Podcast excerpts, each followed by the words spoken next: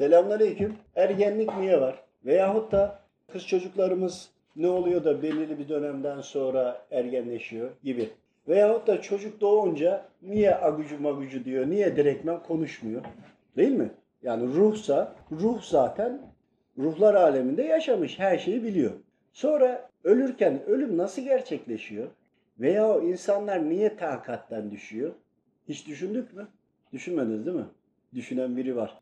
Şimdi kısa anlatayım ama bunu Zoom'da geniş anlatmak istiyorum. Ruhların vücuda tamamlandığı an ergen olur. Artık tam olmaya başlar. Onun için de işlediği günahlar artık kendi hanesine yazılır. Ruhum ruhlar aleminden anne karnına geldiğini dünyaya geldikten sonra da hala daha dolmaya devam eder. Onun için bir çocuk doğduğu an bir ses çıkartırsa cenaze namazı kılınıyor. Çıkartmazsa, ölü doğduysa veya hiçbir nefes almadıysa hiç cenaze namazına da gerek yok. Direkt cennetlik tarafa. Ama ve lakin dünyadan bir nefes alırsa dünyadan tattığı an bir nefes onun buraya geldiğinin kanıtı olduğu için cenaze namazı kılınır. Çocuk bir yaşına geldi. Harf çıkartıyor, çıkartmıyor. İki yaşına geldi öyle. Üç yaşına geldi biraz daha. İşte o arada yürümeye başlıyor falan işte gibi ama düşüyor falan. Derken 4 yaşında biraz öyle. Sonra işte dişleri çıkıyor. 6-7 yaşıyla birlikte dişler dökülüyor. Tekrar asıl dişler çıkıyor vesaire. Kısa anlatıyorum bunu. İşte akıl vali olduğu zaman ruh tamamlanmış oluyor vücutta.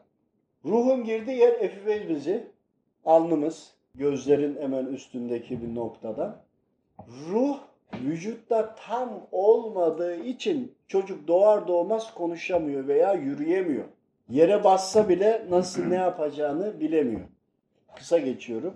Tam ruh tamamlandığı zaman tam sorumluluğa geçiyor. Bak Allahu Teala burada bile o kadar adil ki ama anlayana. Ölmeden önce de ruh oradan çıkmaya başlıyor. Çıkmaya başladığı için bel bükülmeler vesaire birçok şeyler oluyor. Bir de yaşlılık bir insan istediği kadar yaşar. Vücudundaki hücreler belirli bir zaman sonra kendini yeniler. Saç bile çıkmaya, dişleri bile çıkmaya başlar. Atıyorum 100 yaşını geçti diye. Yenilemeye başlar. Hani bir kuş vardı gagasını yontar da kartal. Ona göre yaşam ona bağlıdır ya onun gibi. İşte ruh da ölmeden önce yolculuğa başlar, çıkmaya devam eder. Vücuttaki güç, takat, yorgunluk olunca bu sefer et beden de bu sefer kendini fazla yenileyemez. Ama ve lakin asıl olan o değildir. Yaşlılık tohumu beyine ekildikten sonra bunlar başlar. Ruh, ruh hep genç. Haliyle son noktaya gelince son çıkışlar olur. Ama bu süre içerisinde bir taraftan çıkar bir tarafa yansır. Başka bir şey daha söyleyeceğim sırf sizi meraklandırmak için. Ruhların yansıması vardır. Bu da başka bir şey. Yani bir insana baktığında süliyetini anlayabiliyorsun ya. Ulan senin yüzünde nur yok diyorsun veya ona gibi oluyor. Bu başka bir şey. Ruhunu yansıması. Yüzündeki nur gidiyor. Yüzündeki nuru aslında günahlar kaplıyor. Bir de ruh taşınmaya başladığı zaman o günahkar haliyle olan kısmıyla yansımaya başladığı için algıları aslında orada daha da açılıyor bir yerde. İşte burada ruh eksilmeye başladığı için vücutta çöküşler başlıyor, organ yetmezliği de başlıyor, hücre ölümleri de başlıyor.